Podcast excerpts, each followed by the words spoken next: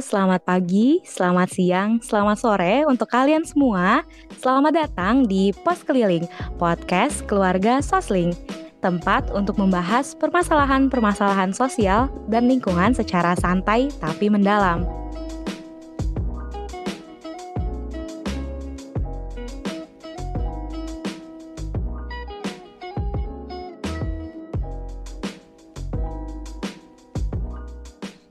Halo semuanya, balik lagi sama gue Mita di Pos Keliling edisi bulan Juni 2021. Nah, tentunya di tiap bulannya nih Pos Keliling menghadirkan tema-tema baru nih. Nah, bulan Juni 2021 ini temanya itu berhubungan banget dengan Fakultas Pertanian. Mungkin kalian udah bisa lihat nih di judulnya Ya, bener banget. Tema pada bulan ini yaitu Hari Penanggulangan Degradasi Lahan dan Kekeringan Sedunia nih. Tentunya gue juga gak bakal sendiri nih. Gue ditemenin sama narasumber hebat nih.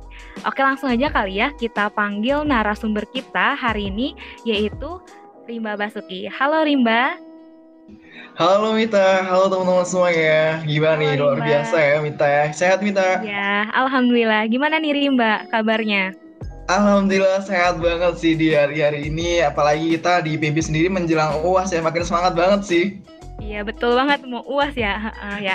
Terus nih uh, teman-teman semuanya Rimba ini merupakan mahasiswa dari Fakultas Pertanian Departemen Manajemen Sumber Daya Lahan. Nah mungkin uh, kita bisa langsung kenalan aja nih langsung sama Rimba dan Rimba juga bisa memperkenalkan diri nih sedikit uh, ke teman-teman pos keliling. Silahkan Rimba. Ya, makasih Mita. Halo teman-teman semuanya. Halo teman-teman pecinta lingkungan di mana pun kalian berada. Uh, kenali nama gue Rimba Basuki. Asal gue dari daerah Lampung. Uh, saat ini sedang di PB University, jurusan Ilmu Tanah dan Sumber Daya Lahan, tepatnya di Fakultas Pertanian. Gitu, Mita. Oke, mungkin teman-teman di pos keliling ini bisa bisa sedikit dijelaskan nih tentang manajemen sumber daya lahan Fakultas Pertanian. Boleh nih sebelum kita masuk ke inti pembicaraan kita pada hari ini nih. Boleh nih, Limba. Oke kita, jadi teman-teman semuanya yang belum tahu ya sebenarnya apa sih ilmu tanah dan sumber daya lahan atau biasanya disebutnya manajemen sumber daya lahan. Sebenarnya kalau kita lihat dari arti lebih luasnya, kita tuh juga mengurusi ter terkait pemetaan, pengembangan wilayah dan lain sebagainya. Jadi kita nantinya uh, akan mengeluarkan dari outputnya teman-teman yang akan bisa fokus di bidang uh, bioteknologi tanah, kemudian kesuburan tanah, kemudian kita juga pemetaan, kita juga menggunakan drone dan lain sebagainya. Kita banyak sekali untuk terkait uh, konservasi tanah dan juga pemetaan lahan gitu. Ya kita gimana sih untuk memanajemen dengan baik lahan-lahan yang ada kita punya untuk bisa apa ya meningkatkan kualitas dari pertanian tersendiri gitu Mita. Oke, ngomong-ngomong tentang lahan nih, sesuai tema kita pada bulan ini, yaitu Hari Penanggulangan Degradasi Lahan dan Kekeringan Sedunia. Nah, Rimba nih bisa dijelaskan sedikit mengenai degradasi lahan itu apa sih? Mungkin teman-teman pos keliling nih belum pada tahu, mungkin dan udah tahu, tetapi kayak masih bingung gitu loh. Boleh nih Rimba jelaskan uh, sedikit lebih detail tentang degradasi lahan.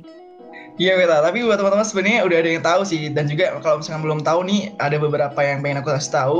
Jadi sebenarnya degradasi lahan itu apa sih? Nah kalau kita lihat dari aspek bahasa ya, jadi degradasi lahan kan berasal dari degradation ya dari bahasa Inggris.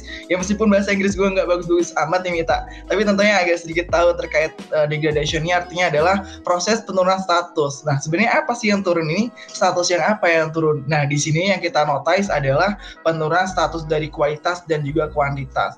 Kenapa sih kualitas dan juga kuantitas? Karena memang kalau degradasi lahan penurunan status ini karena ada pengaruh-pengaruh seperti contohnya kita yang umum adalah erosi ya. Itu kan juga dia mengkikis tidak hanya kuantitasnya ya dari tanah ataupun lahan tersebut, tapi juga kualitasnya gitu minta. Karena memang teman-teman pasti tahu ya, kalau misalnya dari udah di erosi atau lahan terkena erosi, unsur yang terbawa oleh air ataupun tadi yang menjadikan erosi tersebut gitu.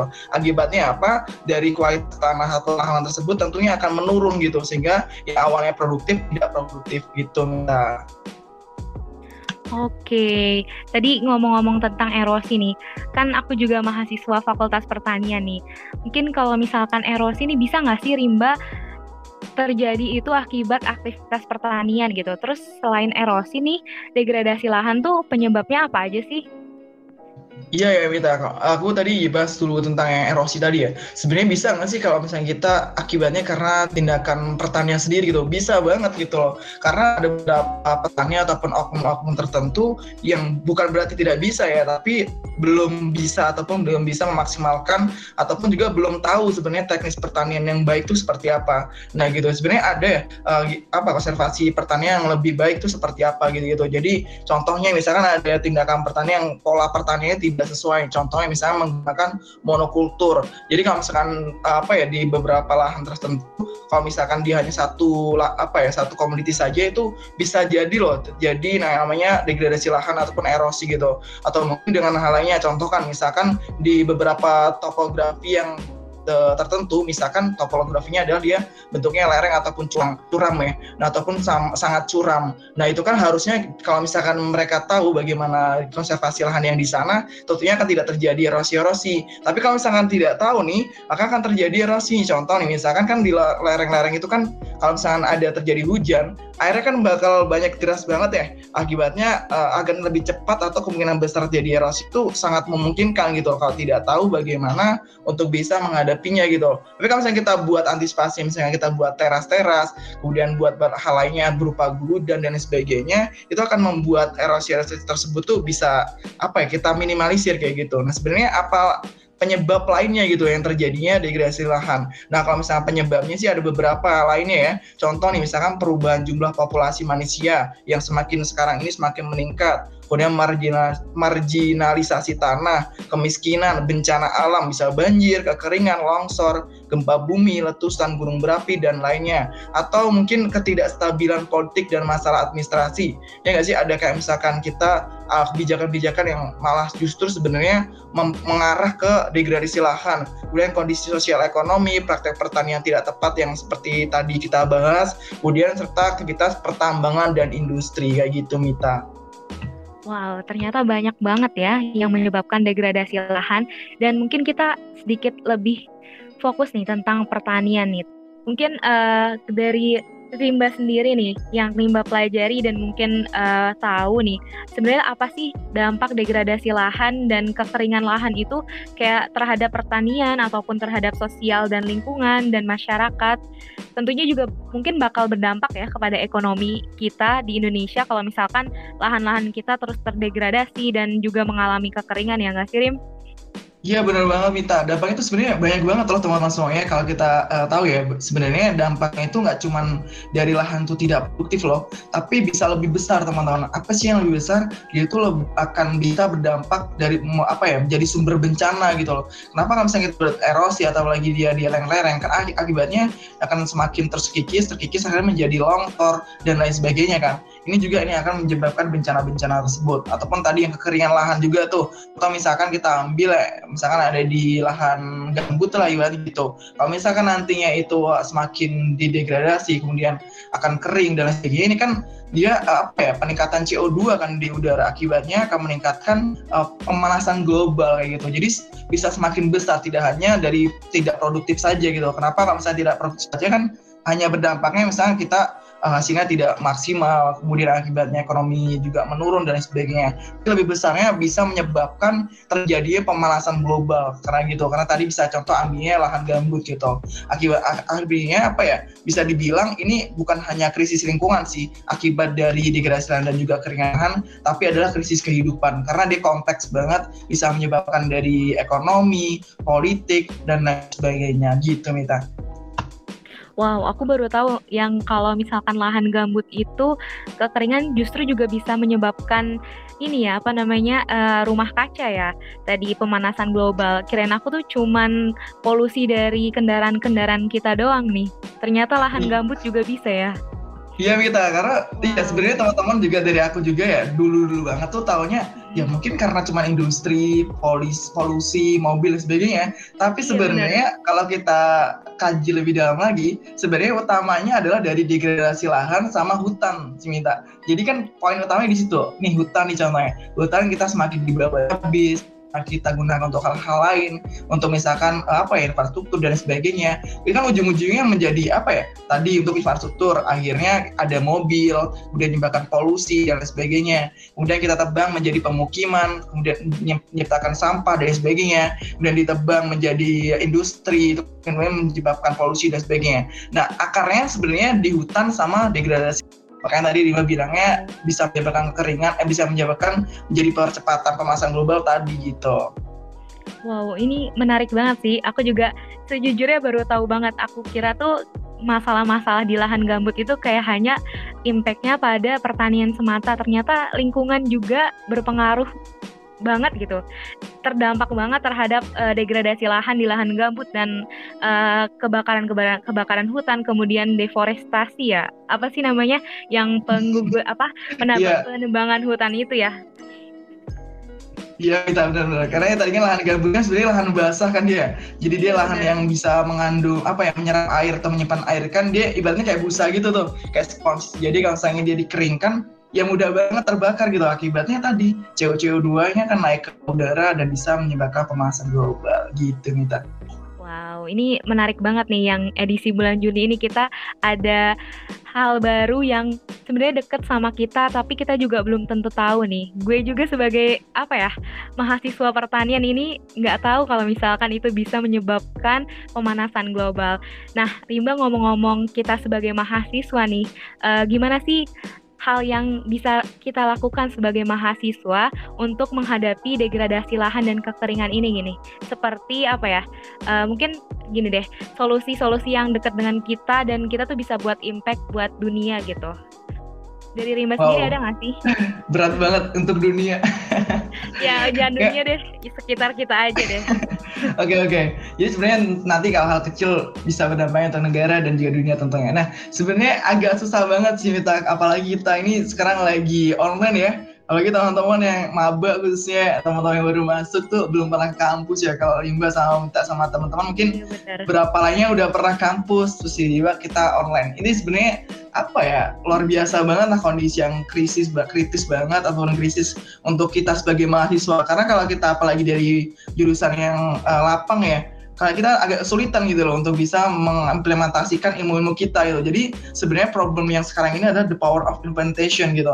Jadi gimana kita kekuatan dari implementasi sendiri itu agak siapa ya dikurangi ataupun agak susah gitu loh malah agak menurun sangat drastis gitu loh yang biasanya kita bisa langsung mempraktekannya akibatnya kita agak susah kemudian kita juga susah untuk apa ya terjun lapang dan sebagainya gitu ya karena mungkin kalau misalkan untuk bicara solusi ya, kita bisa saja dengan membantu meningkatkan aware dari masyarakat ya. Jadi gimana aware dari masyarakat tuh kita bisa bantu untuk lebih sadar ya.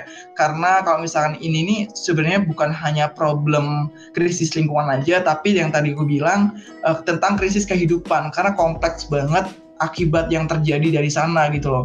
Makanya kita juga bisa membantu aware dari masyarakat itu agar bisa meningkat. Gimana caranya kita bisa yang mendekat apa ya? Kita bisa kalau misalnya di rumah masing-masing ya kita ya udah apa ya bisa dengan kita ngobrol sama mereka. Misalnya misalnya ada teman-teman petani di sana kita sama apa ya silaturahmi ke kebunnya kita ngobrol bareng. Atau kita menggunakan bahasa-bahasa ya mereka kita mengarahnya ke sana tuh. Jadi dengan kayak gitu teman-teman dari petani itu bisa lebih paham ataupun masyarakat juga lebih paham. Nah lebih simpelnya sekarang karena kita juga apa ya kita kan mahasiswa ataupun kaum milenial kaum teknologi ya kita bisa aja dengan menggunakan media-media sosial kita nih. Kita bisa menggunakan apa ya membuat poster digital kita membuat podcast kayak gini ini juga sama halnya juga loh bisa meng, apa ya untuk menghadapi degradasi lahan dan keringan istilahnya pencegahan lah. Kalau dari kita awalnya udah tahu kita akan lebih tanggap dengan kegiatan nantinya gitu ya nggak sih? Atau mungkin kegiatan yang lainnya misalkan kita apa ya dari teman-teman hima apa ya dari fakultas atau dari teman-teman mahasiswa komunitas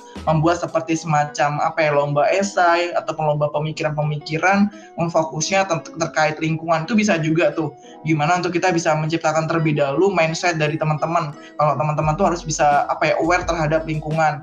Atau bisa nih kita join atau membuat komunitas yang fokusnya terhadap respon terjadinya uh, degradasi ataupun kekeringan lahan tuh bisa aja, aja gitu. Kalau di IPB sendiri udah ada sebenarnya namanya tuh pusat studi bencana itu ada di Baranasiang kalau nggak salah. Nah itu bisa aja tuh teman-teman kalau misalkan dari IPB itu bisa lebih jauh ke sana kalau pengen tahu terkait dari sini tanggap terhadap uh, apa ya terjadinya degradasi lahan dan juga kekeringan. Itu bisa juga tuh. Karena memang kita tidak bisa terjun lapang untuk hmm. di beberapa waktu ini ya karena kita bisa aja menggunakan media sosial atau kegiatan-kegiatan yang setidaknya kita bisa lakukan gitu karena lebih baik kita bergerak meskipun cuma sedikit ya daripada kita cuma ngangen-ngangen aja kita nyusun segala macam kita dream mapping segala macam. Tapi kalau nggak di implementasin buat apa? Kayak gitu. Kita lakukan apa yang kita bisa. Kalau kita cuman apa ya menunggu-nunggu kita kapan offline, kapan kita bisa normal lagi, itu kita bisa apa ya belum pasti gitu. Makanya kita coba beradaptasi dengan kondisi sekarang ini, kita menggunakan media-media yang ada untuk bisa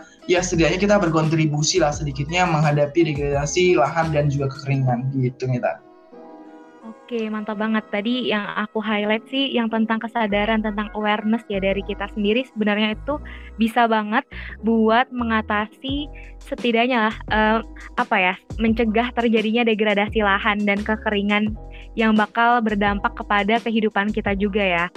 Oke deh, mantap banget tuh tadi uh, kita jangan menunggu-nunggu kapan kita offline tapi kita harus terbiasa, kita harus adaptasi dan juga uh, dengan meningkatkan awareness atau kesadaran untuk mencintai lingkungan atau apa ya kira-kiranya kayak mencegah degradasi lahan gitu sebenarnya udah menyelamatkan menyelamatkan kita nih dari masalah-masalah lingkungan maupun sosial dan ekonomi nih nantinya akibat dari degradasi lahan dan kekeringan. Nah, Rimba mungkin nih uh, kita udah cukup lama ngobrol-ngobrolnya. Mungkin terakhir nih dari dari Rimba closing statementnya nih boleh nih Rim. Oke, sayang banget ya badan kita masih pengen banget ya ngobrol terus bisa iya. apa ya, saya sama teman-teman lah gitu. Mungkin ada gak yang kerasa banget ya. Iya, benar banget gak kerasa banget udah di akhir nih. Paling sih statement dari gue ya, uh, intinya tadi yang uh, gue bilang ini tuh bukan cuma krisis lingkungan, tapi ada krisis kehidupan teman-teman. Jadi mulai dari sekarang coba buka lagi mindsetnya. Ini juga cuma bukan cuma problem pertanian istilahnya cuma cangkul mencangkul doang, tapi ini adalah problem kehidupan kita. Semuanya ada di sini. Oleh karena itu, ayo dari kita, khususnya teman-teman yang milenial, buka lagi pola pikirnya untuk ke depannya lagi gimana untuk bisa aware terhadap krisis lingkungan, krisis kehidupan. Thank you. Oke, mantap banget nih. Hari ini kita udah ngebahas tentang Hari Penanggulangan Degradasi Lahan dan Kekeringan Sedunia bareng Rimba Basuki nih. Semoga tadi closing statement dan ngobrol-ngobrol kita bareng Rimba bermanfaat bagi teman-teman pos keliling. Oke, gue Mita dari pos keliling. Sampai jumpa di bulan depan. Dadah.